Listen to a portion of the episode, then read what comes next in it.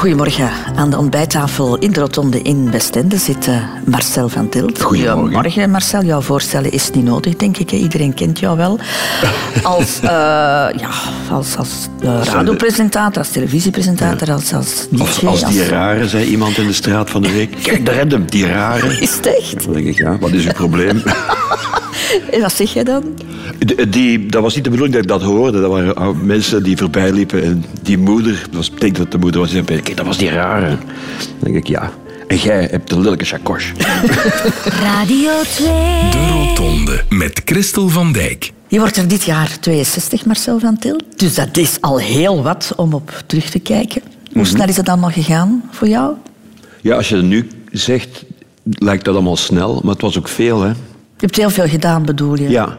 Ik vind vooral dat het, wat mij nu uh, een beetje beangstigt, is van, goh, is, is het al bijna op of wat? Want ja, een mens wordt geen 150, hè. Dus ik zit nu ja, meer dan over de helft.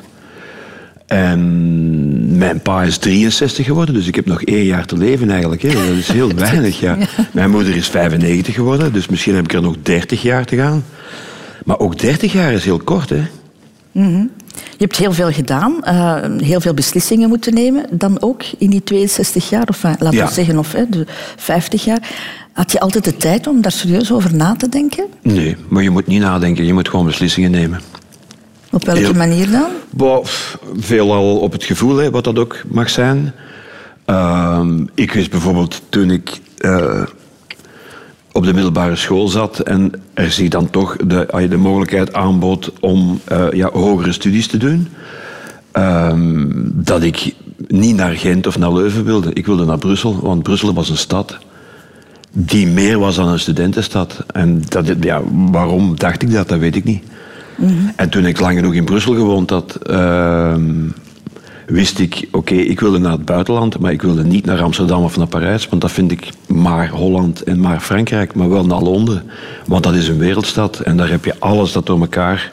Mm -hmm. Dat is zo, ja, dat is een, ja. Over die, een gevoelskeuze. Over die stap in jouw leven gaan we het uiteraard uh, straks ja. ook nog uitgebreid hebben, Marcel. Um... Doe het wel voordat ik, nog, uh, voordat ik dood ga. Hè. Want als, als we zo, wat heb je de laatste 30 jaar in je leven gedaan? Ik heb teruggekeken op de eerste 60. Ja, dat is wel tijdverlies, vind ik. Kijk, maar kijk je soms terug op het leven, op de dingen die je gedaan hebt? Um, nee, maar je wordt daarmee geconfronteerd. Hè.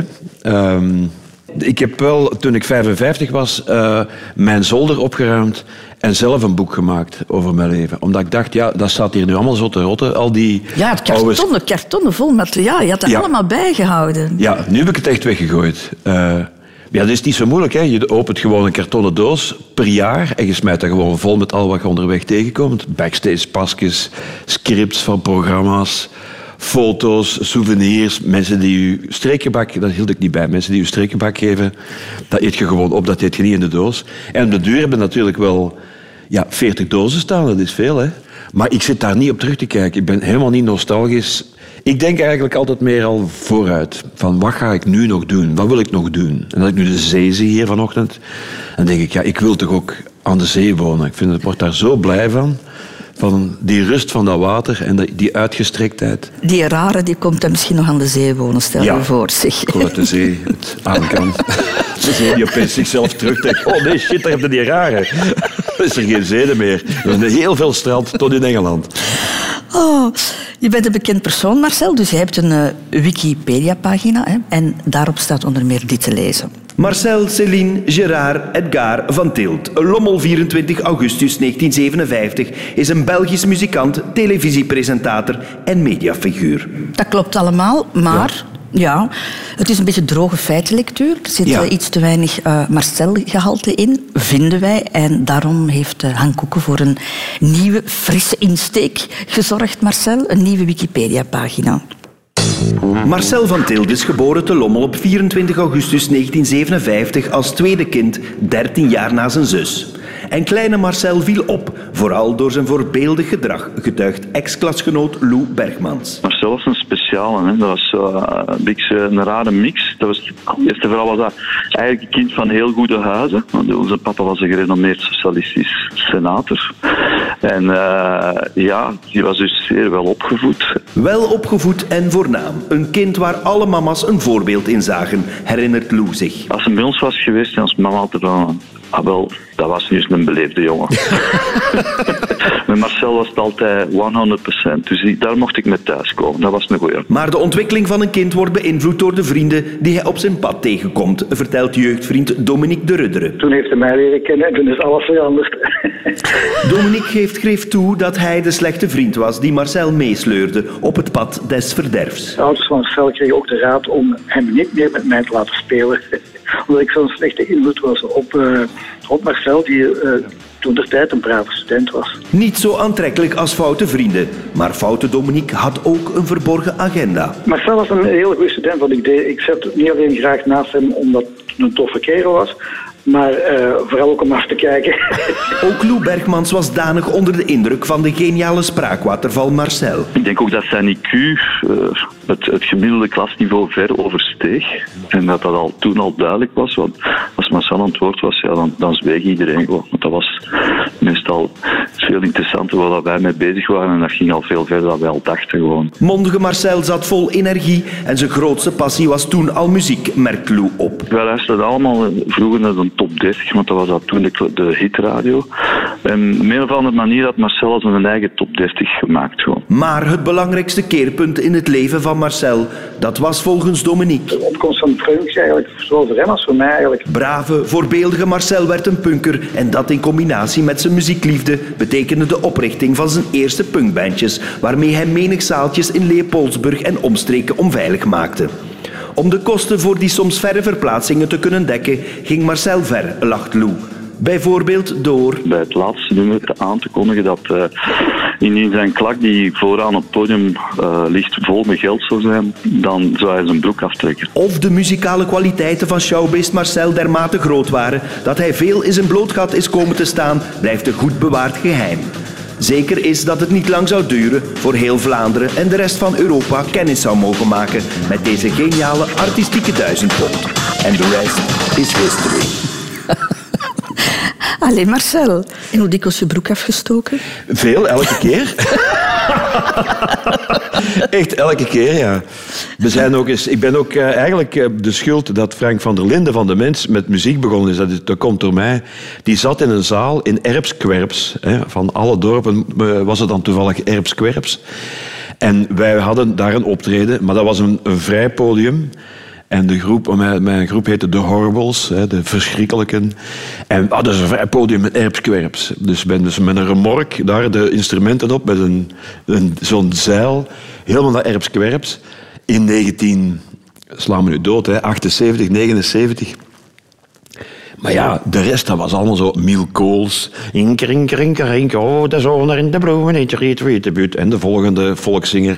En toen wij erop, en wij was met bas, drum, volle bak. En wij hadden zo nummers van weg met de flikken, dat ze stikken, dat ze stikken. En die trokken gewoon de elektriciteit uit. Nee, dat lawaai wilden ze niet.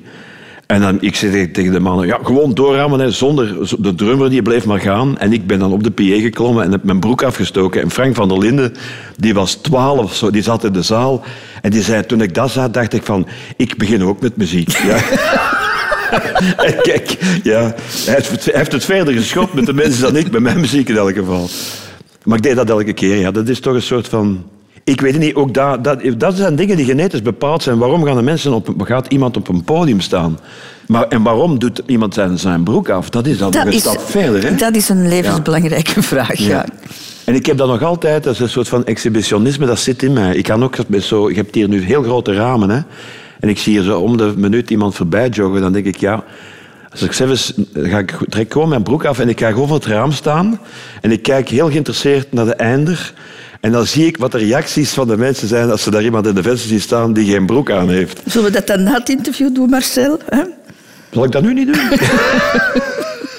nee, dan word ik misschien weer gearresteerd. Dat mag eigenlijk niet, denk ik. Hè? Ja. Waarom niet eigenlijk? Wat is daar nu zo erg aan eigenlijk? Het is toch maar een bloot gat. Ja, het, is, het is de achterkant je Ja, de, op, ja, van de voorkant is het geen gat, maar eh, ja, een, een uitstulpsel. een vluchtheuveltje. Een rotonde. Nee, dat is Een rotonde. Ja, wacht, als je nog vijf minuten geeft. Wordt het een, eh, al ja, een piloon. Een zendmast. Oké, een mijlpaal. De Rotonde. Radio 2. Radio 2. De allereerste afslag in het leven, dat is geboren worden hè, op een bepaalde plek. Jij mag al blij zijn dat het überhaupt gebeurd is. Dat jij er bent, dat jij geboren bent. Ehm, Want ja, jij was dat niet- ik verwekt ben ook. Ja. Vooral. Want de geboorte, dat is, dat is met een keizersnede gebeurd. Maar vooral... Maar ik- jij was niet gepland, hè? Nee, helemaal niet. Ik ben echt een totaal ongeluk. Eh, en ik heb dat toen... ehm, ehm, toen ik, mijn, ik heb mijn moeder geïnterviewd om een boek te kunnen schrijven over mijn pa. Daar raad ik iedereen aan. Als je oude ouders hebt, ga daar eens mee zitten en vraag hen eens uit. Zo van, hoe was uw leven? Wat, deed jij als je 18 jaar was en 28? Want je weet dat eigenlijk niet, hè? Op een gegeven moment ben je, voel je je oud genoeg en dan laat je je ouders maar zitten. En die vertelde dat echt. Ik zeg, maar meende dat nu echt een ongeluk? Ja, ja, we waren aan het verhuizen. En de matras lag tegen de muur en ik kon niet weg. dat is letterlijk wat mijn moeder tegen me zei. En ja, toen... Ik wil daar niet in de details over gaan. En ik heb me toen nog gespoeld, maar dat heeft niet geholpen. Ja, maar dat leerde dus. Ik zeg, dus ik vroeg, ik zeg, hebt u nog gespoeld? Ja, ja, in de tijd, dat was dan zo. En dan, ja, we hadden dan geen condomen. En eh, ja, dan ging ik naar de badkamer en dan spoelde ik mezelf uit en dan was het allemaal weg. Zo van, wat een details, man, dat wil je toch allemaal niet weten. Maar ja, dat was dan toch niet de goede weg, want het was dan toch prijs een maand later. En dan is hij naar de dokter gegaan.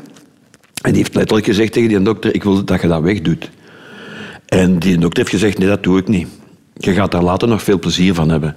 En daarop zei mijn ma dan hopelijk ook een beetje om mij te paaien. En dat is ook zo geweest. dus achteraf had ze er geen spijt van. En heb je dat ooit gevoeld, dat je eigenlijk ehm, een ongelukje was? Dat weet ik niet. Ik had wel niet de indruk dat mijn... eh, wat ik nu heb proberen te doen met mijn kinderen... is eh, daar heel veel eh, ja, kwaliteitstijd mee te spenderen. Dat hebben mijn ouders met mij nooit gedaan. Mijn pa was nooit thuis. En mijn moeder was ook bezig. Want mijn pa was niet alleen, een socia- een socialistisch politicus. Dat hing in dat dorp ook nog een hele cinema daar rond. Hè. Dat was trommelkorps, majorettekorps, een feestzaal, tombola, kerstfeest. Die waren gewoon het hele jaar bezig met het organiseren van van alles. En dan ging mijn pa ook nog naar duizenden en vergaderingen. Dus daarom dat ik nooit in de politiek gegaan ben. Dat is een fulltime job, meer dan een fulltime job. Dat wilde niet doen. Dus mijn moeder had ook geen tijd voor mij.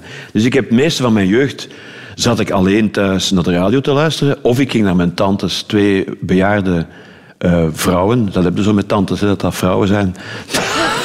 en eh, dat vond ik heel fijn, want die vertelden heel veel over vroeger. Ik ging daar echt naartoe en dacht, vertel nog eens over vroeger. Ook dat, dat gevoel met geschiedenis. En ik vond dat heel leuk, ja.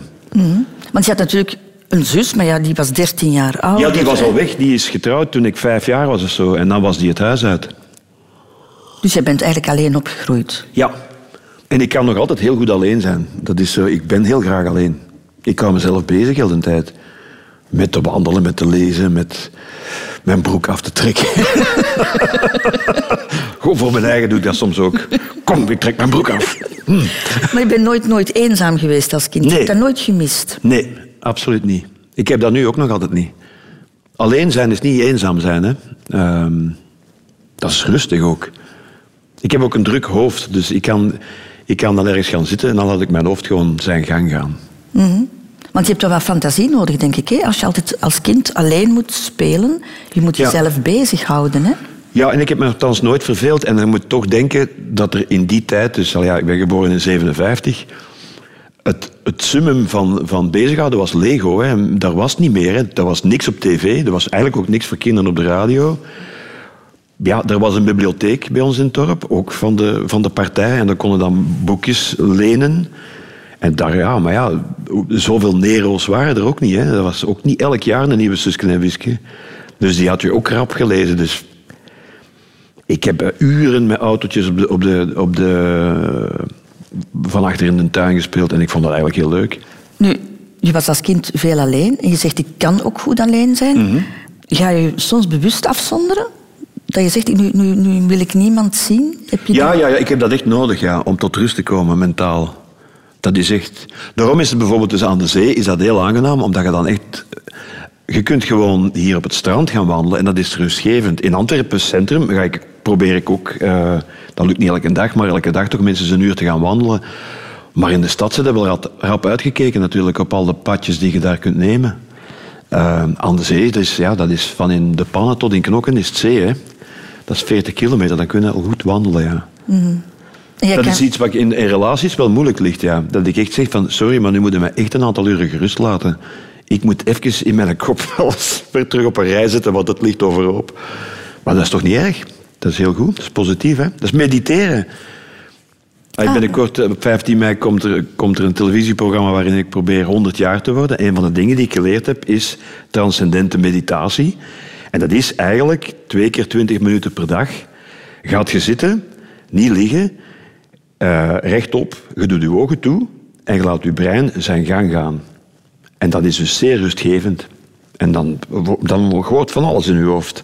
Maar je te denken, als mijn auto wel dicht, heb ik de rekeningen wel betaald. Oh, dat, die onnozelaar heeft mij gisteren weer dat gezegd. En, en de kinderen, oh ja, dat is wel een lekkere, die vrouw. Nee, daar mag ik niet aan denken. en eh, zo, alles wat er in je kop... Om je hoofd even een rust te geven. Want je gaat wel liggen op je rug elke dag om je lichaam te laten rusten. Je kunt niet anders, anders ja, worden ziek. Maar je moet dat ook af en toe met je hoofd doen. En je vindt jezelf aangenaam gezelschap. Uh, dat, is een heel andere, dat is een heel andere vraag. Heb je daar ook mensen over geïnterviewd? Je vond niemand zeker. Kan iemand zeggen dat Marcel aangenaam gezelschap is? Nee, nee, dat kan niemand. Niemand gevonden. Radio 2. Marcel van Tilt, jouw mama was 38 toen jij geboren werd. Je vader al 48. Hè? Dat Ja. zijn geen jonge ouders. Wat vonden zij belangrijk in jouw opvoeding? Uh, ten eerste vond mijn pa belangrijk dat ik geen dialect sprak. Want mijn moeder was van Hasselt. En toen ik geboren werd, woonde de moeder van mijn moeder bij ons thuis in. En die praatte echt plat Hassels. Wat fantastische taal is, hè? Ik kan het niet nadoen. Uh, maar ja, zo na een jaar, anderhalf jaar, begint het kind, ik dus, te spreken. En ik begon zo Hasselse woorden. Waar zijn mijn keesjes? Waar zijn mijn sokken? Waar zijn mijn keesjes? En mijn pa heeft toen gezegd... Uh-uh, dit gaat niet gebeuren. Die jongen die praat algemeen uh, Nederlands. Algemeen beschaafd heette dat toen nog, ABN. Dus ik heb nooit geen... Ik, kan, ik ken geen dialect. Ik kan dat niet. Ik doe dat na. Zo. Maar in Leopoldsburg praten ze al geen Limburgs. Dat is meer Kempis. Gelijk Tom Bonen. Hè. Ga maar aan. Hè. Ik zei tegen Bettini, ga maar aan. Dus spreekt Bettini Kempis dan? Ja, die spreekt Kempis. Wel, hem is gewoon hem. Hè, zo, hè. Dat is zo Kempis. Maar dat heb ik, ja, ik, ik, imiteer dat, maar ik heb dat niet van thuis. Dus, dus dat, dat, was heel belangrijk. Ja. Taal was heel belangrijk. En die, die beleefdheid van wat, wat Lou Bergmans vertelde, ik herken dat wel. En is dat opgelegd? Dat weet ik niet. Maar ik vind dat gewoon, dat zit in mij. Dat is respect voor iemand anders. Als je ergens in iemand zijn huis komt, hangt er daar niet de idioot uit. Maar waren ze streng? Was er een zekere discipline bij jou thuis? Mijn pa was heel streng, ja. Mijn pa had een militaire achtergrond. Hè. Dus dat was, zes uur was zes uur. Hè. Dus als ik wegging met, met vrienden en ik kwam om vijf over zes thuis... Ja, dan zat het erop, ja. Maar ik vond daar niks mis mee. Die sloeg ja, nooit of zo. Hè. Het is niet van bang en dan... Maar die was wel... Als ik wat mindere punten had, dan, was hij, dan kijken we niet naar de Flintstones morgen namiddag. Dat was wel wat, want dat was de enige keer er iets was dat er op de televisie. Eén keer per week de Flintstones en dan mocht ik niet kijken. En jij respecteerde dat? Jij ja. ging niet in, in, in verzet? Of, of, Ja, nee, hij is op tijd gestorven. Hè. Uh, toen ik 15 was, toen ik klaar was om in het verzet te gaan, was hij opeens weg. Dat kwam mij zeer goed uit, ja. Mm -hmm. Meen je dat? Ja, ik heb het nooit anders, ik heb het nooit anders geweten, omdat... Wat Dominique de Rudderen zei, van ja, ik, ik was een slechte invloed.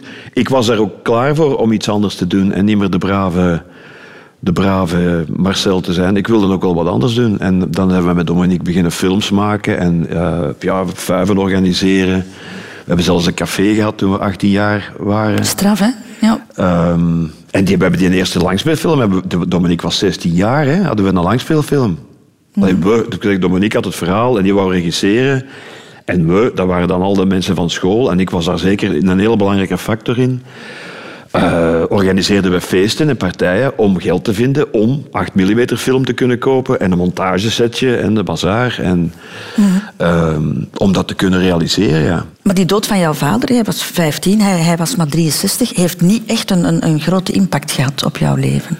Um, indirect wel, hè. Ik wil zeggen, um, dat is een heel erg stimulans geweest om te weten van wauw, het leven is ook maar dat. Allee, want je hebt dus die man die een heel groot aanzien had. Die had 13.000 stemmen of zo in Limburg. Dat, dat is nog altijd fenomenaal. Hè? Dus die, half Limburg kende, die, kende Edgar van Tilt. Um, dus dat was echt een personaliteit. Overal die kwam, kenden mensen die. Dat was echt een personaliteit. Dat was echt een bekend politicus. Dus dat was ja, uh, uh, ja, dat, dat, dat, dat respect af. En dan had je natuurlijk hij als vader, die liep altijd rond in kostuum. Dus dat was echt zo wow, dat is vader, zwijgen, vader komt binnen. Opeens is dat weg. Zo, voilà, dat betekent niks, dood, nu jij. Ja, dat bepaalt heel erg wat daarna komt, hè. In de zin van dat ik heel erg besef, je moet vandaag leven. En dat doodgaan ook niet erg is. Dat overkomt iedereen. Dus als mensen beginnen te zeuren over ziektes en dood, dan denk ik, zeg maar, ik zaagt het niet en leeft nu. Mm dus dat heeft wel... Uh, ik vind dat heel stimulerend. En Dominique de Rudder, dat heeft ook ons heel erg bij elkaar gebracht, is net hetzelfde overkomen. Mijn pa is gestorven in 73 en denk dat zijn pa zes maanden later ook dood was. Ook totaal futiel. Die was aan de garagepoort aan het werken op een zaterdag namiddag. En dat was een garagepoort met zo'n grote stalen veer. En dat ding is eraf gesloten. En die heeft dat tegen zijn, tegen zijn slaap gekregen. Die mens was morsdood. Dominique zat boven zijn huiswerk te maken zij, daar geloof ik niks van dat hij zijn huiswerk aan het maken was. Maar enfin, eh, ook dat, hè. Van wauw. Uh, dus wij zijn echt een aantal jaren heel erg close geweest. In de zin van dat wij heel veel babbelden over het leven en wat gaan we nu doen. En uh, ook in Brussel, uh, want hij deed aan filmschool en ik deed politieke wetenschappen. En wij echt zo twee jaar zagen we elkaar dagelijks. En ja, filosoferen over het leven. En dan zijn we ieder onze weg gegaan.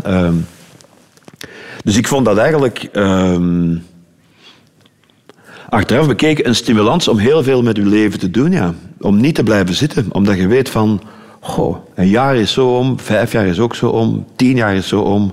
En heel uw leven is zo om. En als je nog wel maar chance hebt, zoals mijn pa, en je krijgt een kanker, dat was een pancreaskanker. Ja, dan, dat was totaal onverwacht. Wij stonden klaar om op vakantie te vertrekken paasvakantie. En die mens wordt ziek, de koffers stonden in de auto. We gingen vertrekken om tien uur, dus hij kan niet, ik heb buikpijn. Ja, buikpijn, allee. Het kruip even terug in het bed. En tegen, tegen twee uur namiddags lag je die in het ziekenhuis. En denk, tegen de avond zelf was die al volledig aan het eilen. En uh, toen hebben ze die naar Leuven gedaan. En dat was al morfine, dus die was volledig weg. En daar hebben ze die nog, ik weet niet hoe lang, een week, twee weken aan de praat gehouden. En dat was zo, daar is niks aan te doen. Krijg je dan als zoon ook een, een, een verantwoordelijkheid ten opzichte van jouw moeder? Want jouw zus was het huishouden, dus jij was alleen met jouw moeder. Nee, mijn moeder was een, een hele uh, zelfstandige vrouw, dus ik moest haar niet verzorgen. Maar het goede was van, ik mocht van mijn moeder alles doen. Hè, dus daarom eh, was ik op mijn 15 jaar al, al platen aan het draaien in een dansing waar ik niet eens binnen mocht. Ja. Maar is dat goed als ik DJ word? Wat gaan we dat doen? Ja, in Scherpenheuvel. Ik zeg, ik krijg daar 500 frank voor elke, elke week. Doe dat maar. ik zeg dat tegen mijn oudste zoon ook. Die zegt, jij kan wat geld gaan bijverdienen door in een pizzafabriek in Antwerpen uh, pizzabodems te draaien. Ja, jongen, heel goed. Ik heb dat ook altijd gedaan. Ik heb eigenlijk altijd zo, zo, snel mogelijk proberen om zelf mijn kosten te verdienen. Ik vond niet dat mijn moeder daar moest voor opdraaien. Maar ik heb dat dan tijdens mijn studies zo goed gedaan dat ik niet meer kon studeren, wat ik eigenlijk fulltime aan het werken was. Radio 2. De Rotonde met Christel van Dijk en Marcel van Tilt. De keuze voor het podium, Marcel van Tilt, daar net al even over gehad. Dat is een keuze die je al heel vroeg gemaakt hebt. Hè? Op, op je tiende, dacht ik. Hè?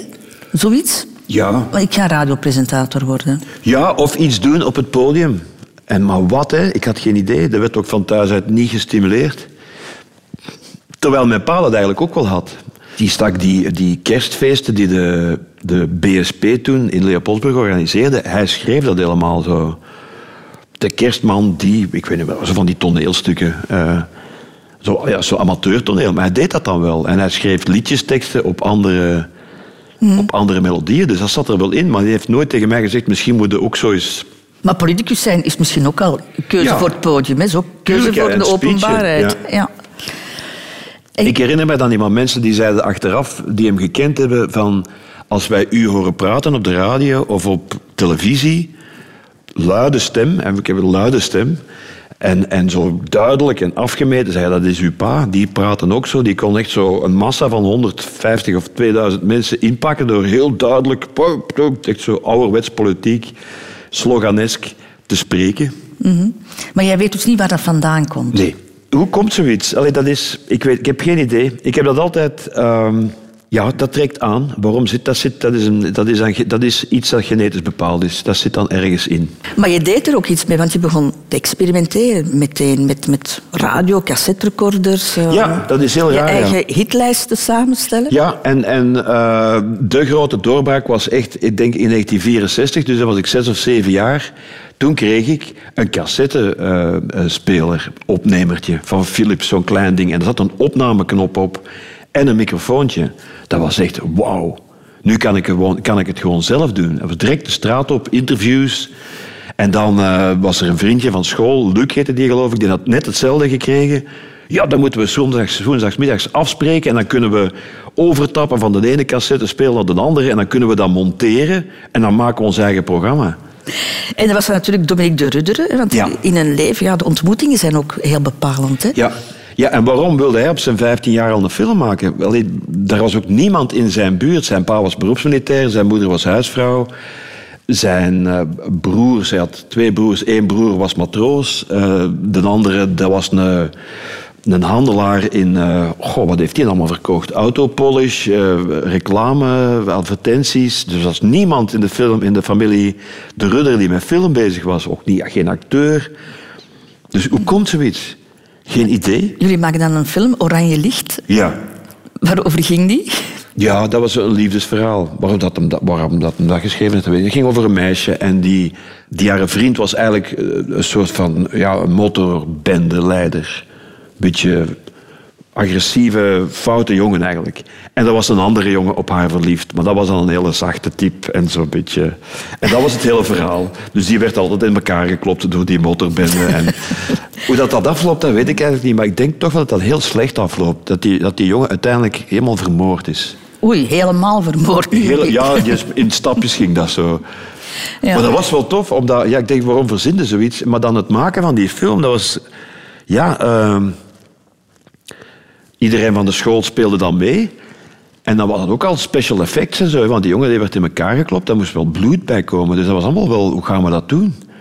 Echt, Ik denk dat dat nou echt aan het slachthuis was. Dat was met echt bloed. En dan werd die jongen zo met, met watten in bloed gedrenkt en dan moest je in zijn mond doen en dan pam, en dan moest hij bijten en dan liep dat bloed zo over zijn gezicht. Ik vond dat allemaal wel tof. En dan zijn jullie er zelfs mee op televisie gekomen. Ja. Ja, dat was, dat was echt Dat wel was wel nieuws in de zin van... Allee, we hadden dan die... Ja, heel de school deed mee, dus de première van de film was in de gemeentelijke feestzaal. En dat was, dat was 500 man. Al de ouders van de kinderen wilden dat zien. Allee, wat hebben die nu gedaan? Die hebben een film gemaakt, of wat? Met iedereen, met al de leerlingen speelden daarin mee. En dan was er een journalist in Leopoldsburg, zo'n lokale correspondent. Ik denk van het Nieuwsblad was dat. Dus ja, ik zal u eens interviewen. En dat artikel is dan per ongeluk, in de per ongeluk, omdat ze waarschijnlijk geen nieuws hadden, in de nationale editie terechtgekomen. En iemand bij de BRT, die las dat, die zei, oh, dat is interessant. Die hebben ons, hebben ons uitgenodigd. Daar zijn wij, ja, toen waren we 16 jaar naar, de, naar, de, naar, de, naar waar was dat? Het Amerikaans Theater gereden. Dat was echt onwaarschijnlijk. Het Amerikaans Ja. Theater. Ik zat thuis al tien jaar te kijken naar Canzonissima en Jan Thijs. In het, Amerika dat is het Amerikaans theater, daar komt nooit. Dat is gelijk... Allee, dat is iets dat niet bestaat. Hè. Dat is een soort van kermis in de hemel. En daar zaten wij opeens, in het Amerikaans theater, in de, in de backstage, in de green room. Zo van, dit kan nu toch niet waar zijn? We zijn in het Amerikaans theater. Hier heeft Nicole en Hugo zijn hier al geweest. Dat moet geweldig geweest zijn, inderdaad. En, want eigenlijk... Want je had ook nog een andere drijfveer. Je was wel bezig met muziek, maar eigenlijk wou jij ook beroemd worden. Dat was ook jouw levensdoel. Ja, dat is ook een belachelijk doel eigenlijk. Hè? Ja, dat is een raar doel, maar goed. Ja, maar ja, wel, beroemd met iets te kunnen. Hè. Want ja, beroemd, beroemd alleen is maar... Want eigenlijk, ja, beroemd zijn op zich is geen doel. Hè. Nu interesseert me dat ook helemaal niet. Maar ik vind het wel nog altijd tof natuurlijk, als mensen... ehm, Zoals gisteren stapte ik in de auto, of was ik op weg naar de auto. En dan passeert er mij iemand die zei... Hey, die Disco Frisco op Radio 2, dat was tof, jong. Ja, dat doet me dan deugd. Snap je? Oh, bedankt, hè. Dan helemaal een dag is goed. Ja, als die mens mijn gezicht niet kent, zou die dat ook nooit zeggen. Dus dat, is, dat blijft leuk, als ze dat zeggen. Of als ze zeggen, ik heb die, rare... Dan denk ik, ja, maar ik ben toch beroemd. en je hebt een lelijke. Maar Stefan Tilt, we gaan een aantal stappen overslaan. Jij werd dan bekend en, en beroemd in Vlaanderen, onder meer door Arbeid Adelt, hè, door, door jouw muziek. En op een bepaald moment ehm, beslis jij, ik ga naar Londen. Ja. Maar zonder enig doel. Zonder enig doel. Puur eh, op... Ja, wanneer was dat? Dus 86, 87. Ja, dan was ik toch eigenlijk al, eh, al zes, zeven jaar zelfstandige, professioneel levende van optredens, artikeltjes hier, eh, belichting doen bij Arno. En Maar je had op een of andere manier hier een weg kunnen zoeken. Maar dat doe je dan niet. Dus je zegt meteen, ik ga naar die grote stad Londen. ja, om... ehm, ja, waarom niet eigenlijk, hè? Maar waarom wel? Om niet te blijven zitten. Ik had, ik had toen toch al... Ik had, we hadden ook radio gedaan met die vrije radio's. Ik had wat televisie kunnen doen met Bart Peters in, in Villa Tempo en allerlei andere dingen die Bart toen deed. De Hermannen, dat is een totaal ridicuul trio, maar wel heel leuk. Maar ik had geen enkele kans dat ik zelf een tv-programma zou kunnen maken op de Belgische televisie. Niemand vroeg dat en ik denk ook dat daar niemand eh, interesse in had. De radio dacht ik, ja, ik ga ik nooit binnen bij, eh, bij Radio 2 of bij BRT 1. Dus ja, wat, wat hield me dan nog in België eigenlijk? En dan kom je in, in Londen aan en dan heb je de chance, kan ik het zo zeggen, dat je bij MTV dan bent kunnen beginnen? Ja, de chance. Je moet natuurlijk een kans grijpen als er zich één voordoet. Hè. Allee, ik was al van 1980 zelfstandige. Als je altijd zelfstandige bent, dan houden je oren altijd open om te horen van waar is de, de pers mee bezig. Misschien is daar werk. Waar is de radio mee bezig? Waar is de televisie mee bezig? Ook in Nederland, maar... Want ik had ook voor de VPRO dingen gedaan. Maar dat, ging, dat, dat was ook duidelijk dat, dat, daar, dat daar geen vervolg ging op komen. Dus je houdt altijd je oren open. Dus als ik toen besliste dat ik naar Londen ging, eh, in, in Brussel op café hoor MTV, wat wij alleen maar kenden van op de krant, want in Amerika bestond dat sinds 81, is van plan om in Europa zo'n muziekzender op te richten. En ze zijn aan het eh, rondreizen eh, in Europa om te zien dat er mensen geïnteresseerd zijn. En dit is een telefoonnummer waar je die mensen kunt bellen. Ja, dan bel ik, hè. Ja. Dus ik heb gebeld naar Londen. Dat dan, toen dan ging er zitten, hè. Londen, maar duur om te bellen. Mijn telefoonrekening 00441, ik weet het nog altijd. En die zei, ah ja, ja, maar eigenlijk, je bent, je bent eigenlijk veel te laat, want we hebben al audities gedaan. Maar we gaan toch nog één sessie audities doen binnen dit en drie weken. Stuur maar snel een, een videocassette. Dus ik zo snel in die tijd, dus telefoon neer, dan snel een videocassette. Oké. Gelukkig had ik al wat gedaan en een montage gemaakt van vijf, zes minuten op de post. En die belde terug. Ja, ja, we willen nu naar de- op de auditie. Dus ik dan naar Londen en dan zo van, man, dat was zo slecht, die auditie. Het was helemaal niet, van, niet, niet gewoon om, om vlot Engels te praten. Ik zo, my tailor is rich and there is the kitchen. Allee, ja, ik praatte... Ik had wel wat Engelse artiesten geïnterviewd, maar dan, ja, dan bereidde dat gewoon voor. En why did you choose to record your album in Paris? Hè, zo. Dus ik vond dat heel slecht. En toch belde die terug. eh, ja, we moeten toch nog eens praten. Ondertussen woonde ik dus al in Londen. Hè. En die, zei, die vrouw die zei gewoon... eh, ja, eh, we like you very much. Here is a contract for two years. Ik dacht dat ik dat mens kon... Kon kussen, wat ik ook gedaan heb. En Ja. voilà, dus ik was erbij. Dan word je bekend in, in heel Europa eigenlijk, Marcel. En Ja. dat was ook een goud, maar je verdiende daar toch wel heel goede je kost, denk ik, hè, bij MTV. Dat was naar Belgische normen. Ja, ik denk dat dat toch wel, weet ik veel, Maar dan besli- 100.000 frank per maand was of zo. Dat was veel geld, hè? Mhm. 2500 euro in... Jaren tachtig. Ja, En dan beslis je op een bepaald moment, ik stop ermee. ja. Dat vind ik wel raar. Eigenlijk ja, is dat ook weer raar, hè? Dat was wel een beetje, de schuld van België ook, hoor. Omdat, dat was allemaal heel leuk. Maar dat bleef ook altijd maar bij de af- en aankondigen van die clips eindeloos, elke dag. En, en je werd dan op een vliegtuig gestoken en heel Europa rondgevlogen om dan daar ergens in een club of in een hotel uh, een half uur DJ te spelen en PR en nog alles kort, kort. Het was allemaal zo wegwerp. Het was nooit iets essentieels.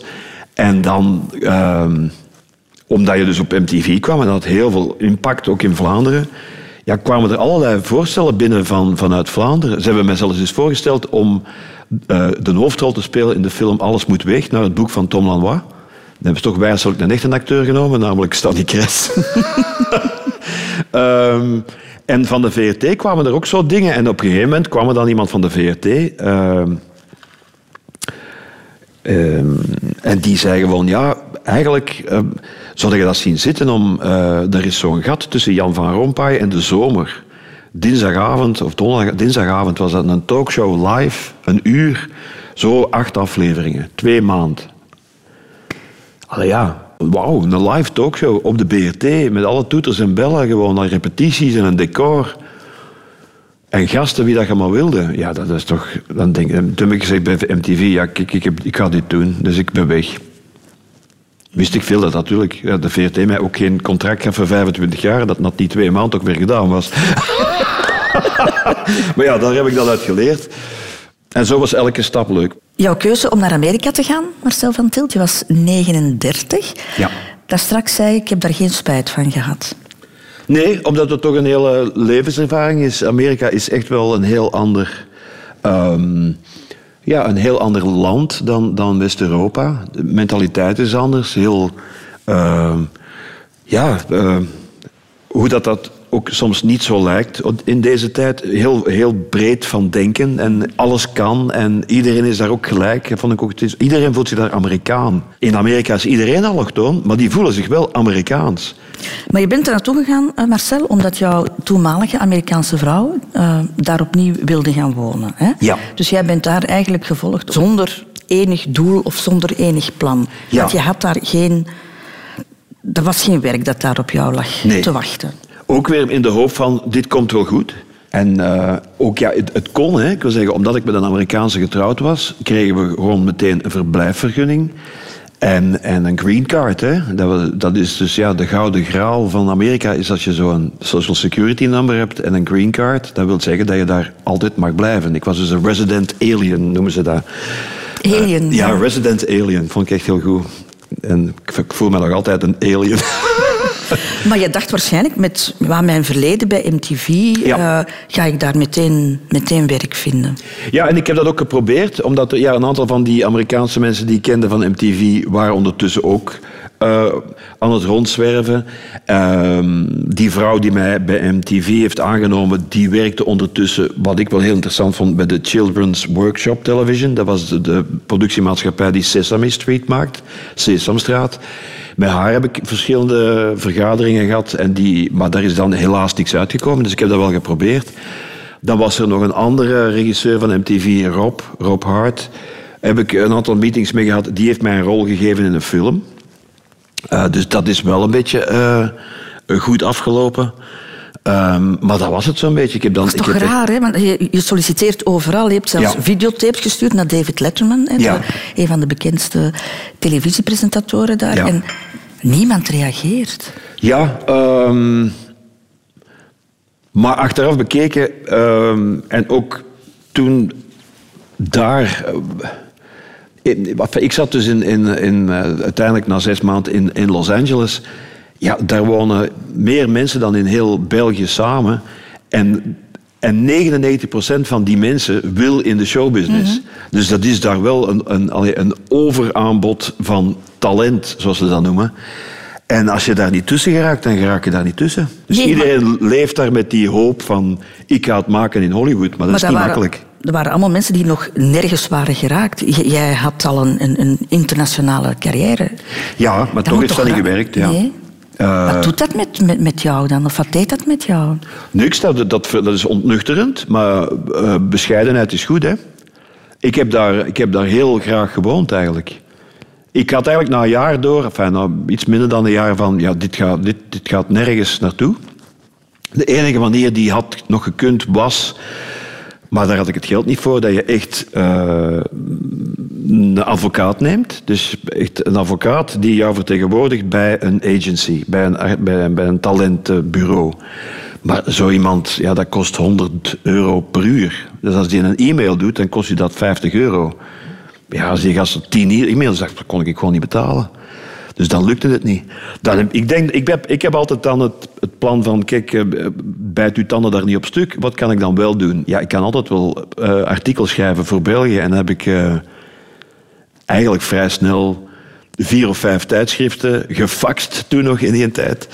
En Joël de Keuler, die toen hoofdredacteur was van Panorama, hè, dat was nog voor P-magazine, dat was het einde van, van voordat eh, Panorama P-magazine werd. Die heeft direct gereageerd. Dat zie ik zitten. Ik wil dat je elke week een column schrijft over wat je daar aan doen bent. En af en toe nog eens een groot artikel. En dan heb ik eigenlijk drie jaar lang niks anders gedaan. En dat was echt heel leuk. En het is daar altijd schoon weer. Hè. Daar word er heel blij van. Ik weet niet of je dat weet, maar zo... Ik kan niet tegen de winter. Ja, maar ik vind het ook wel knap. Je hebt dat altijd gewoon toegegeven. Hè, van, dat is daar niet gelukt. Zo. Ja, je, kon, je kon er ook een draai aan geven. Hè. Zeggen van ja, ik, ik, heb gewoon wat me-time genomen of ik, ik ben... Nee, dat is gewoon niet gelukt, want ik heb het wel geprobeerd. En daar zijn wel mensen bij waarbij het wel gelukt is. Hè. Ik herinner me toen ik daar woonde, toen kwam Erik van Looy, die zag ik regelmatig. Die, was, die schreef artikels over films voor Panorama. En dat was een armoezaaier eigenlijk. In de zin van, dat was een hele bescheiden filmjournalist. En dan kwam hij zo drie dagen naar L.A. en dan gingen wij een koffie drinken, want die had geen tijd. Die zag twee films in de voormiddag en drie in de namiddag en nog twee s'avonds. Die zag echt zo twintig films op, op een halve week en dan schreef hij daar artikels over. Ja, die heeft het wel heel ver geschopt qua... Dat had hij toen ook nooit durven dromen, denk ik, van dat hij ooit ook in Hollywood uh, ja, regisseur ging zijn. Nu, het typeert jou wel, Marcel. Er is op een bepaald ogenblik niet dat werk meer voor jou, maar dan begin jij gewoon aan iets anders. Ja. Jij laat nooit de moed zakken, precies, hè? Nee, alleen de broek. Als er iets moet zakken... zeg je, dat is mijn motto. Wilt je de vragen die op het einde van dat interview... Wat is uw motto? Als er iets moet zakken, is het de broek. Ja, maar dat vind ik dus net, denk ik, wat ik geleerd heb van die plotse dood van mijn pa. Zo van, dood ga je toch. Dus je zit dan ondertussen niet te kniezen. Uh, en ja, maak er maar wat van. Dat is niet gemakkelijk. En ik denk ik ook veel uh, geluk gehad. Maar ik denk ook wel, als je die, die mentale knop zo zet, dat je dan uiteindelijk ook wel dat het wel weer goed komt. En hoe slecht kun je vallen? Uiteindelijk kun je ook gewoon ergens nog in een fabriek gaan werken. Hè? Of in, in een, in een uh, appelschilderij of zo. Hè? Ik vind dat allemaal niet erg. Maar hoe ga je dan om bijvoorbeeld met het feit dat ja, in, in de wereld waarin jij werkt, dat dat ook van dag op dag gedaan kan zijn? Hè? Je bent nu 62. Je had een nu maakt het wel een beetje bang. Je had een exclusiviteitscontact bij de VRT, dat is niet verlengd. Mhm. Hoe ga jij daarmee om? Uh, met, ja, Op dezelfde uh, manier? Ja, tuurlijk, ja. Um, dat was nu begin dit jaar ook zo. Al, ik heb twee jaar voor, voorbij, twee jaar, 1917, want we zitten wel in de volgende eeuw. Zo oud ben ik al. 2017, 2018 ben ik al eigenlijk weer fulltime met televisie bezig geweest. Maar dat ging mij allemaal wel een beetje traag. En het is allemaal niet meer zo snel als vroeger. En ik merk ook wel dat er inderdaad allee, ondertussen wel een hele nieuwe generatie mensen is die nu op televisie van alle dingen doet. Dat het waarschijnlijk misschien voor mij ook helemaal daar niet meer zoveel werk is. Dus ik heb zelf beslist in januari, wat ga ik dan wel doen? Toen dacht ik, ik ga eens naar de radio. En daar heb ik dan geluk gehad dat bij Radio 1 toevallig Luc Jansen wegging en dat programma Retro vrij kwam. En dat men bij Radio 2 met mij ook dingen wil doen. Ja, is dat dan toeval of is dat dan goede timing? Dat is geluk. En durven aankloppen, hè? want je moet het ook aan En durven aankloppen, ja. Uh, en ik, ik zeg altijd, toen ik begon, hè, dus in het begin van de jaren tachtig, was er veel minder dan dat er nu is. Ja, de enige sector waar het echt minder mee gaat, is de print. Hè. Dus de, de, de, kranten en de tijdschriften die zien af, die verminderen maar in oplagen. Maar je hebt veel meer online bijvoorbeeld. Um, maar radio en televisie, dat zijn, dat zijn nu... Je hebt je hebt allee, drie grote zenders nu. Maar maak je je ooit zorgen, Marcel, daarover? Um, ja, natuurlijk wel. Ik denk dat wel, ja. stil. Ja, maak u daar zorgen over? Je mocht daar... ehm, Ja, natuurlijk wel, ja. Ehm, maar ik maak me meer zorgen over de, eh, over de humeurigheid in mijn hoofd. Want dat kan, mijn enthousiasme van één moment kan soms ook heel erg omslaan in, in, in zwartgalligheid. En dat, is, dat zijn zo depressieve neigingen die je dan... Dat is veel moeilijker om daarmee om te gaan dan met... eh, je hebt geen geluk. En dat is ook iets dat in mijn hoofd zit, dus ik moet dat... Dan, dan is wandelen en alleen zijn en mediteren en een boek lezen heel gezond. Dus dan doe ik dat. Dan ga ik wandelen en dan word ik weer positief. Maar heb je dat altijd gehad, die, die dualiteit? Ja. Dat is zo. Ja, dat is de, eh, je maakt jezelf niet, hè? Denk ik dan. Maar daar moet je mee om kunnen. Ja, dat is ook... eh, dat is zo'n beetje alles light, hè? Dat is zo bipolair light. eh manisch depressief light. Ehm, ja. Je kunt daar... Ik ben me daarvan bewust, dus ik ga daarmee om. Ik wil geen medicatie of het een of het ander. Probeer uw mentale gezondheid zoeken is, is, is, is eh, een, een goede bezigheid. Maar je moet die wel zoeken. Dat is ook zelf, een beetje zelfkennis. Dat is eigenlijk gezond. Wanneer heb je dat ontdekt, dat je daar last van hebt? Of... Wanneer heb je dat ontdekt? In 1479. Samen met Amerika. Ik dacht, ik zal vandaag eens iets ontdekken. Eerst Amerika en toen van, tja, je hebt precies een beetje een probleem in je hoofd. Ja, je ontdekt dat niet. Je merkt dat gewoon. Waarom ben, waarom ben ik nu zo neerslachtig? Ja, dat komt met vlagen. Ehm, en je moet daarmee om kunnen. Vooral je omgeving moet daar ook mee om kunnen. Dus je moet iemand zoeken die dat snapt. En wordt dat erger met ouder worden? Mm. Nee, dat denk ik niet, nee. Nee, ik vind dat alles beter wordt met ouder worden. Behalve mijn knieën. Nee, maar zo gewrichten en zo. Ja, dat, dat had ik vroeger niet. Zo gewrichten beginnen pijn te doen. Te lang op een stoel zitten, dat had ik vroeger niet. Ik krijg rare, rare kronkels in de rug. Maar al de rest wordt beter. Ik vind ook dat je eigenlijk door ouder worden toch altijd een beetje wijzer wordt. En daarom relativeert je meer. En daarom vind je meer rust. En de seks wordt sowieso beter. Vind ik echt Omdat het langer duurt. omdat je gewoon, ja, hoe meer ervaring, hoe meer dat je precies weet wat je wel leuk vindt en wat je niet leuk vindt, wat de ander wel leuk vindt en wat je niet leuk vindt. Nee, maar ik vind wel dat eigenlijk, ik, ik vind, wat dat betreft vind ik ouder worden helemaal niet erg. Behalve dat, het enige wat er fout is aan ouder worden, is dat je gewoon het einde ziet. De liefde, Marcel van Tilt. Over Ah. die afslag moeten we het ook hebben. Ja, dat zijn Ja. verschillende. Dat is afrit 9, 11, 13, 16.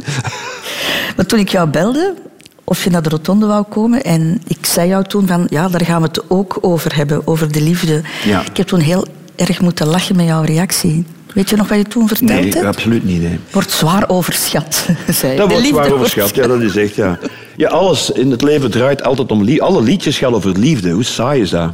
En ehm, ja, samen met religie is liefde eh, oorzaak van veel eh, kwaad en, en veel ongeluk. En ja, dat wordt, ook, wordt allemaal veel te, veel te zwaar en getild. En zo eeuwige liefde en trouw en ontrouw. Man, het was allemaal, er hangt zoveel kak aan.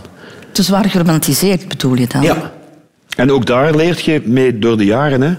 Maar is dat een conclusie die je nog maar kort geleden gemaakt hebt? Ja, dat is zoiets dat je na verloop van een leven... Ik vind, Dirk de Wachter heeft er, heeft er eh, vorig jaar een boek in over geschreven en daar staat het eigenlijk heel goed in verwoord.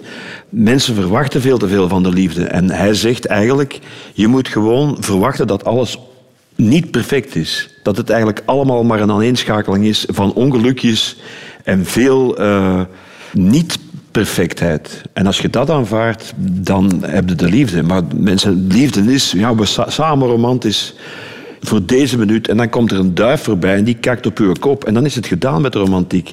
En zo gaat dat ook. En dan opeens doet iemand iets wat u heel erg eh, schoffeert. En dan is de liefde opeens met een deuk in. Of hè, de spreekwoordelijke dopje van de tandenborstel, van de tandpasta wordt naar achter gelaten. Of er ligt weer een handdoek op de keukentafel die daar niet moet liggen. En dan verandert dat allemaal. Dus wat is dan de liefde? Ja. Maar zoals Ik denk, de liefde is wel eerlijkheid. Als je volledig eerlijk kunt zijn met elkaar en echt alles kunt zeggen wat je denkt en wat je voelt, dan heb je wel een goede relatie, denk ik. Ja. Maar zoals je het nu allemaal zegt, lijkt het wel alsof je ooit wel een ideaal beeld gehad hebt over de liefde. Ik denk dat wel, ja. Maar ja, wat kan ik daarover zeggen? Ik wil zeggen, ik kan er alleen over zeggen dat ik nu een parcours achter de rug heb met, met vijf, zes lange relaties met allemaal verschillende, allemaal verschillende vrouwen. Ja, maar de, ik heb de, de, de, dunne van de dikke en de dunne is acht keer getrouwd geweest, maar wel maar met vier vrouwen.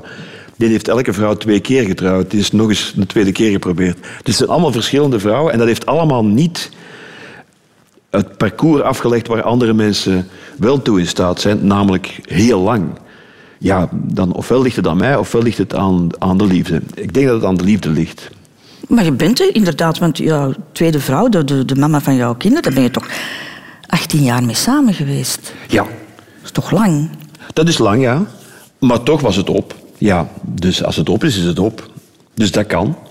Uh, en misschien heb ik daar wel uit geleerd van is dat je, dat je eigenlijk zo'n ideaalbeeld, dat dat niet bestaat. Um, maar is ik heb daar ook uit geleerd dat het heel goed is om, om echt te zeggen wat je denkt.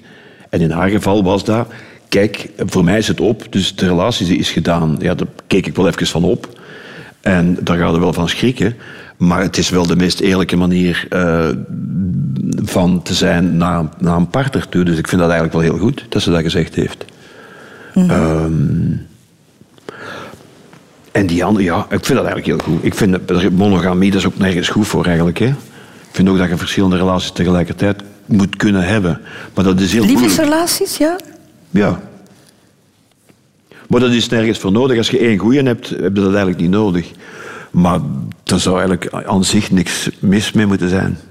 Kan je goed alleen zijn? Ik bedoel, kan je goed leven zonder partner? Um, waarschijnlijk wel, ja. Maar nu dat je... Enfin, wat ik nu wel zeker weet is, nu mijn kinderen ouder worden, dat ik wil wel niet uh, alleen oud worden. Um, ik denk dat het toch wel veel leuker is om iemand te hebben dat je elke dag allee, uh, samen wat dingen kunt doen en gezellig een praatje maken. En een wandeling, dat dat toch wel aangenamer is. Um, ook om tegen te gaan dat je in een soort van continue uh, zwartgalligheid wegzakt. Met iemand, uh, dan kunnen tenminste die een andere wat afkakken, snapte? kunnen wat ruzie maken om het te ventileren. Maar helpt een, een, relatie voor de donkere gedachten in jouw hoofd? Helpt dat? Is dat een, een tegengewicht? Uh, ja en nee. Dat gaat toch... Als het, als het afglijdt, glijdt het af. En dan kun je even beter ook zeggen van... Ik ga nu even weer een uur of twee weg. Mm -hmm. Uh, want aangenaam is het nu niet. Ja. Um, maar het is... Ja, het is... Uh, wat is het? Ik weet niet wat het is. Vind je opnieuw beginnen op een zekere leeftijd, vind je dat nog makkelijk? Opnieuw beginnen met iemand? Um, nee, makkelijk is dat niet. Het is leuk als je iemand tegenkomt uh, die uh, ja, even open, open over, over een relatie kan nadenken en, en open kan zijn. Ik denk dat dat de enige manier is om goede relaties te hebben. En dat kan je op elke, elke leeftijd doen. Maar het is natuurlijk moeilijk om iemand te vinden die op hetzelfde, in hetzelfde, op hetzelfde spoor zit. Maar dat is niet gemakkelijk, ja. De keuze voor kinderen, Marcel van Tilt? Ja, je hebt Christophe Dijk, zo officieel. Ik word hier precies kruisverhoor. Ja, de keuze was zeer bewust. Ja, je hebt er drie, hè? Twee, ja. twee biologische kinderen ja. en, en dan één, uh, de dochter van, van jouw eerste vrouw, ja. die, die jij mee opgevoed En dat was een van de redenen waarom ik op die vrouw gevallen ben. Die had een kind. En ik vond dat echt fantastisch. Die was toen heel klein, die was toen anderhalf jaar of zo. En dacht ik van, ja, dat is twee voor de prijs van één. Hè? En een vrouw met een kind. Want in de vorige relatie wou ik een kind en dat is dan niet gelukt. En uh, zij wou niet echt een kind en dan is er ook geen kind gekomen en dan is die relatie gestopt. En de volgende vrouw die ik tegenkom, die had al een kind. En zo van, voilà, that's the way to go. een totaalpakket. Ja, en dat kind was ook super lief en die, die, die uh, aanvaarde mij eigenlijk ook direct als een soort van uh, ja, uh, nieuwe, nieuwe vaderfiguur. Die noemt mij nog altijd daddy. Ja, dat is zo, toch geweldig. Terwijl ik haar vader eigenlijk niet ben, want ze heeft een biologische vader in Nederland. Dus dat was wel... Uh... En die is nu... Hoe oud is ze? 33. En jullie zien elkaar nog? Ja, die woont terug in Antwerpen. Ah, ze woont terug in Antwerpen. Ja, ja. Want de mama is op een bepaald moment dan terug naar Amerika verhuisd. Ja. Die periode dat je ook even bent, bent, bent meegegaan. Maar dan scheid jij van, hè, van, van jouw Amerikaanse vrouw, maar dan verlies je eigenlijk ook een kind. Ja. Of toch voor een deel. Ja, maar we hebben wel altijd contact gehouden. Uh, want ja, ik ben dan teruggekomen naar België. Zij zijn in Amerika gebleven. Uh, en dan zijn ze eigenlijk met hun tweetjes vijf jaar later allebei naar Antwerpen om met een hoek te komen wonen. Ja, zo van, oké. Okay. Heb, heb je de wereldbol eens bekeken, waar dat je overal kunt gaan wonen? Nee, om mijn hoek wonen ze alle twee. Dan denk ik, ja, dan moet er toch iets zijn, hè? Mm -hmm. En dat is heel leuk, ja. Dat is tof. Had je op dat moment ook nog een eigen kinderwens? Want je wilde in die vorige relatie wilde je wel een kind. Ja. Dan had je er een met Justine, zo heet ja. ze toch?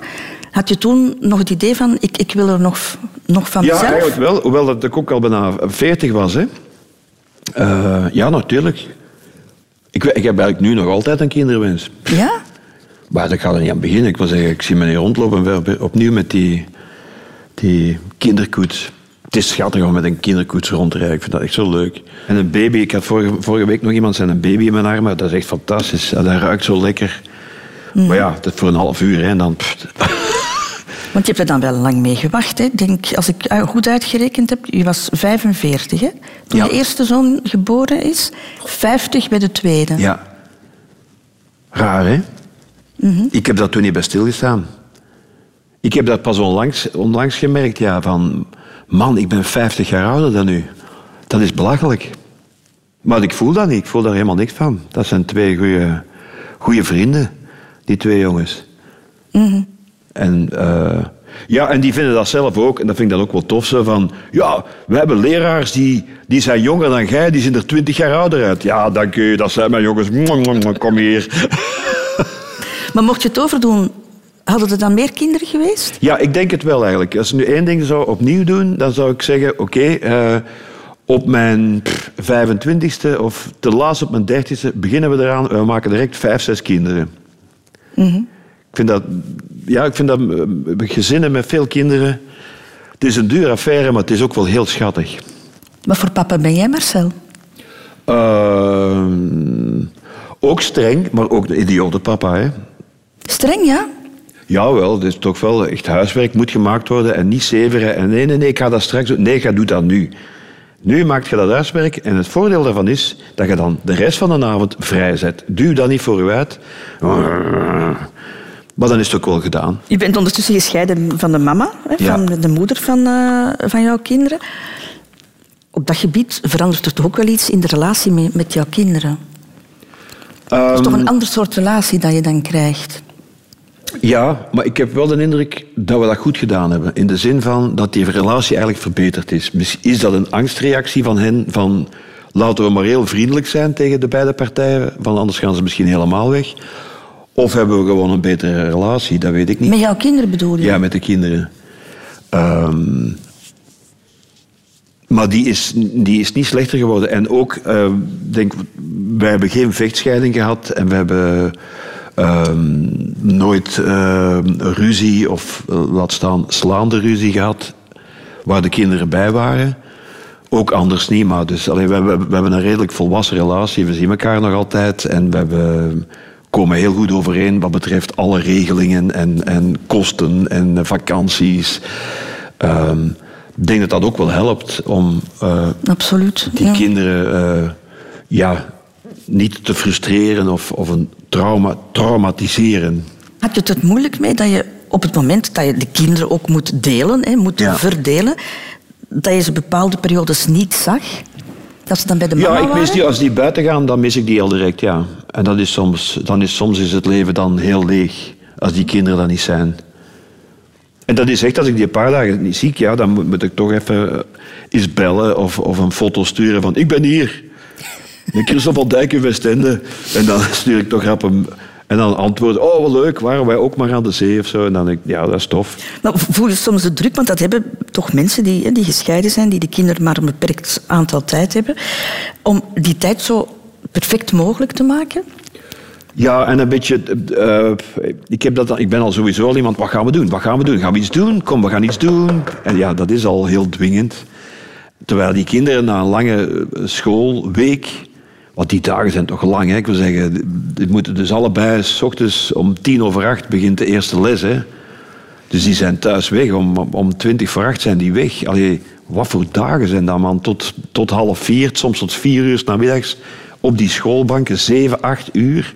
In het weekend is dat zo van... Ik wil gewoon in mijn bed zitten gamen. En ik ben dan zo tegen de middag... Allee, kom, we gaan iets doen. En we kijken die zo van... Man, wij zijn moe. En toch doe ik iets. Dan maak ik een afspraak. Oké, je bent twee dagen hier, je bent moe. We gaan toch naar één museum. Oh, een museum. Ja, maar achteraf vinden ze het altijd goed. En binnenkort naar Amerika, hè? Ja, en dan deze zomer uh, een grote reis. Daar heb ik voor gespaard. Omdat de oudste vroeg dat al, ja, omdat ik in Amerika gewoond heb en ik ken, ja, ik ken eigenlijk veel. Ik ken New York heel goed, ik ken Los Angeles heel goed, San Diego, San Francisco, New Orleans, noem maar op. Ik Dallas. Uh, vroeg die een oudste al, oh, maar jij moet mij eens rondleiden in Amerika, jij kent er. Ik zeg, ja, maar ik ga wachten tot de kleinste wat ouder is, dat hem daar ook te volle eh, van geniet en het, en het bijhoudt als, als een mooie reis. En dat gaan we nu doen. Dus eerst naar New York en dan West Coast, van boven naar beneden. San Francisco, LA, Las Vegas. My favorite place on earth. De reis van jullie leven, hè? Zo'n ja, beetje? absoluut. En dan moeten ze maar zien. Ja. De allerlaatste afslag dan, dat is het einde. Doodgaan. Hè? Ja. Ben je er al mee bezig, in gedachten? Absoluut, ja. In de zin dat ik vind dat je dat eigenlijk ook zelf moet ehm, trachten te regisseren op een of andere manier. Hoe bedoel je? Ja, um, dat, ja, dat je op een, op een mooie plek, bijvoorbeeld hier, dat je hier aan, aan de zee, met zicht op zee, dat je daar je ogen kunt dicht doen, dat lijkt mij een schoon einde. Op een fijne plek, ja. Niet ergens in een, in een ziekenhuiskamer. Um, maar ja, dat heb je niet altijd in de hand. Um, en het lijkt mij ook makkelijker gezegd dan gedaan, toch? Hè? Je moet de moed vinden om, om ja. zelf een punt achter te zetten. Ja, maar dat vind ik eigenlijk niet zo erg, omdat ik denk van, het is ook maar dat, hè. het is ook maar je ogen dicht doen en slapen. Voilà, het is niet meer dan dat. Dus ook de dood is zwaar overschat ook. Het is ook maar punt, het licht gaat uit. Dat is het. Dat doet geen pijn of zo. Hè. Tenzij dat je natuurlijk allee, u van een gebouw smijt. En ook dan, ik las het in, een boek, in een boek vorige week, 4,5 seconden van een hoog gebouw. Hoe kort is dat? Het is alleen een heel wat veiligheid voor de mensen die het beneden op de stoep moeten opkuisen.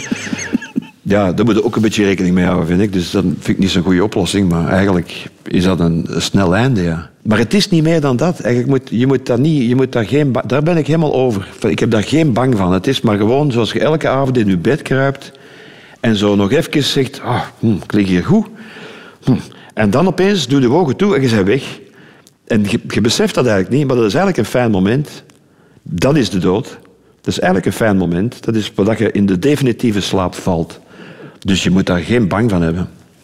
Nee, maar je hebt toch zelf, want je bent een tijdje geleden ben je heel zwaar gevallen. Dat had heel snel kunnen aflopen, Marcel. En toen heb je toch wel gedacht van, dit had ook het einde kunnen zijn. Ja, dat heb ik toen ook gedacht. Toen ik ben van de trap gevallen en ja, alles gebroken. En ik lag daar en ik ben toen, allee, bloedend, want ik had nog een gat in mijn hoofd. Zo'n, ik weet niet hoe lang dat duurde, twee, drie seconden van, oh man, dit zo, alles is kapot. Ik heb, ik heb echt alles gebroken. En het, het op even voor mijn ogen dicht gingen, dacht ik dit is het. Ik ga nu dood. En dan heb ik nog net de tijd gehad van... Is het erg dat je doodgaat? Nee, nee, het is niet erg. Het was eigenlijk, nee, nee, je hebt eigenlijk een fantastisch leven gehad. Allee dan. Hopelijk vindt iemand u snel. En dat was het. En dan ben je bewusteloos? Ja. En ik weet niet hoe lang ik daar gelegen heb, maar ja, dat, dat, weet ik niet. Een half uur, een uur, dat weet ik niet. Dus je hebt het eigenlijk eventjes meegemaakt? Ja, ja, dat was echt zo van... En, en mijn besluit was, het is niet erg. Het is schoon geweest. Allee, het is misschien wel snel. Daar had nog wel twintig jaar bij gekund. Maar is het erg? Nee, het is niet erg. Je hebt het niet verknald. Goed gedaan. Allee, salut hè. Nee, ik heb er ook echt absoluut geen schrik van. En dat komt ook uh, ja, misschien daardoor. En ook om er daar echt diep over na te denken. En dan mijn moeder is gestorven. Uh, dat is ondertussen ook alweer uh, vier jaar geleden. Ik heb het niet helemaal gezien, maar ze was toen al... In, allee, want, zijn we nog een pannenkoek gaan eten en dan was ze opeens moe en dan zeg je, ja, kruip dan in je bed en word terug wakker om naar die Ben Krabbe te kijken. Want ze al 40 jaar naar het zat te kijken. Uh, maar ze is dan niet meer wakker geworden en dan kreeg ik een telefoon en hebben ze haar naar het ziekenhuis gedaan. En daar was ze al wazig en dan denk ik ook, ja, die heeft daar gewoon haar ogen dicht gedaan en dat was het dan. Mhm. Dus hoe erg was dat? Ik vind, je moet goed nadenken over je dood, ja. Maar je moet er geen bang van hebben. Het is echt maar gewoon de definitieve ogen toe. Slaap wel. Snaveltje dicht. En nogthans maak je nu een programma ja. over hoe word ik 100 jaar. Ja, omdat ik ondertussen wel nog altijd heel erg geniet van het leven en nog een aantal dingen wil doen. En dan uh, denk ik, ja, je voelt nu 60 voorbij, ja, 70 komt dan 80. Ja, je ziet van het zal niet meer zo lang allemaal duren. Dus ja, waarom geen 40 jaar erbij en 100 worden? En heb je dankzij dat programma gevonden hoe je het moet doen? Uh, toch een aantal dingen. Dus ja, die mentale rust is heel belangrijk. Dat je gezond moet eten en drinken, ja, dat weten we ondertussen al lang. En geen twee pakken sigaretten roken per dag, dat wisten we ook al. Dat doe ik ook al heel al lang niet meer. Um, maar de uh, mentale rust is heel belangrijk. En sociale omgang ook. En dat zijn wel werkpunten. Bij mij heet dat, dat is kleine werkpunten aan mijn persoonlijkheid. Dat is de sociale omgang en uh, mentale rust. Maar bijvoorbeeld door die meditatie, die, elk twee keer per dag uw ogen te sluiten en uw, en uw hoofd zijn gang te laten gaan, zodat dat tot een soort van rust komt, dat is heel belangrijk, ja. Maar dat vind ik dus ook in wandelingen aan de zee of in het lezen van een boek. Omdat dat zo... Die letters op papier zijn zeer rustgevend. Mm En je verdwijnt eigenlijk uit de buitenwereld helemaal in dat boek. dat is eigenlijk een soort van meditatie die goed is. En goed slapen. En uh, voor de rest, moet je, je hebt veel in de hand hoor. Allee, je hebt eigenlijk 25% van je gezondheid is genetisch bepaald, maar 75% niet. Dus je kunt veel doen. Mm. Dus we zijn van jou nog niet vanaf, Marcel. Van nee, ik hoop, ja, ik hoop als ik een beetje minder kan werken, dat ik dan wel... Uh, ik heb ook allee, kennis gemaakt met allerlei soorten yoga-technieken. Ja, dat klinkt allemaal een beetje zweverig, maar het, het werkt allemaal wel. Het is wel uh, niet slecht. Beter dan te fitnessen of een marathon te lopen kunnen. Beter aan, omdat dat ook mentaal uh, veel rust geeft. Ben ik dus echt helemaal zo'n uh, een geitenwolle sok geworden nu. De Rotonde. Radio 2. Radio 2. Marcel van Tilt. Ja. Het zit erop. Het zit erop. Het zit erop. Dat is heel fijn om met jou te ontbijten. Ik kijk ook heel erg uit naar dat programma van jou. Ja, het heet Uh, Op naar de 100. En ik probeer op acht weken tijd ja, zoveel mogelijk dingen te leren om 100 jaar te worden. ja, eerste uitzending op 15 mei. Ja. En dat is een woensdag. Op één. Voilà, nog één ding. En dat is het gastenboek, Marcel. Ik zou het fijn vinden mocht jij daar ook iets in neerpennen. Oké. Liefste Christel, is het gedaan nu? Eindelijk. Nee, grapje. Ik vond het zeer aangenaam, ontspannen en warm. Je weet dat ik niet graag over mezelf praat, maar je hebt een sterke, empathische interviewstijl en zo weet je zelfs een koppige steenezel als ik met zijn broek op de knieën te krijgen. Het was heel fijn.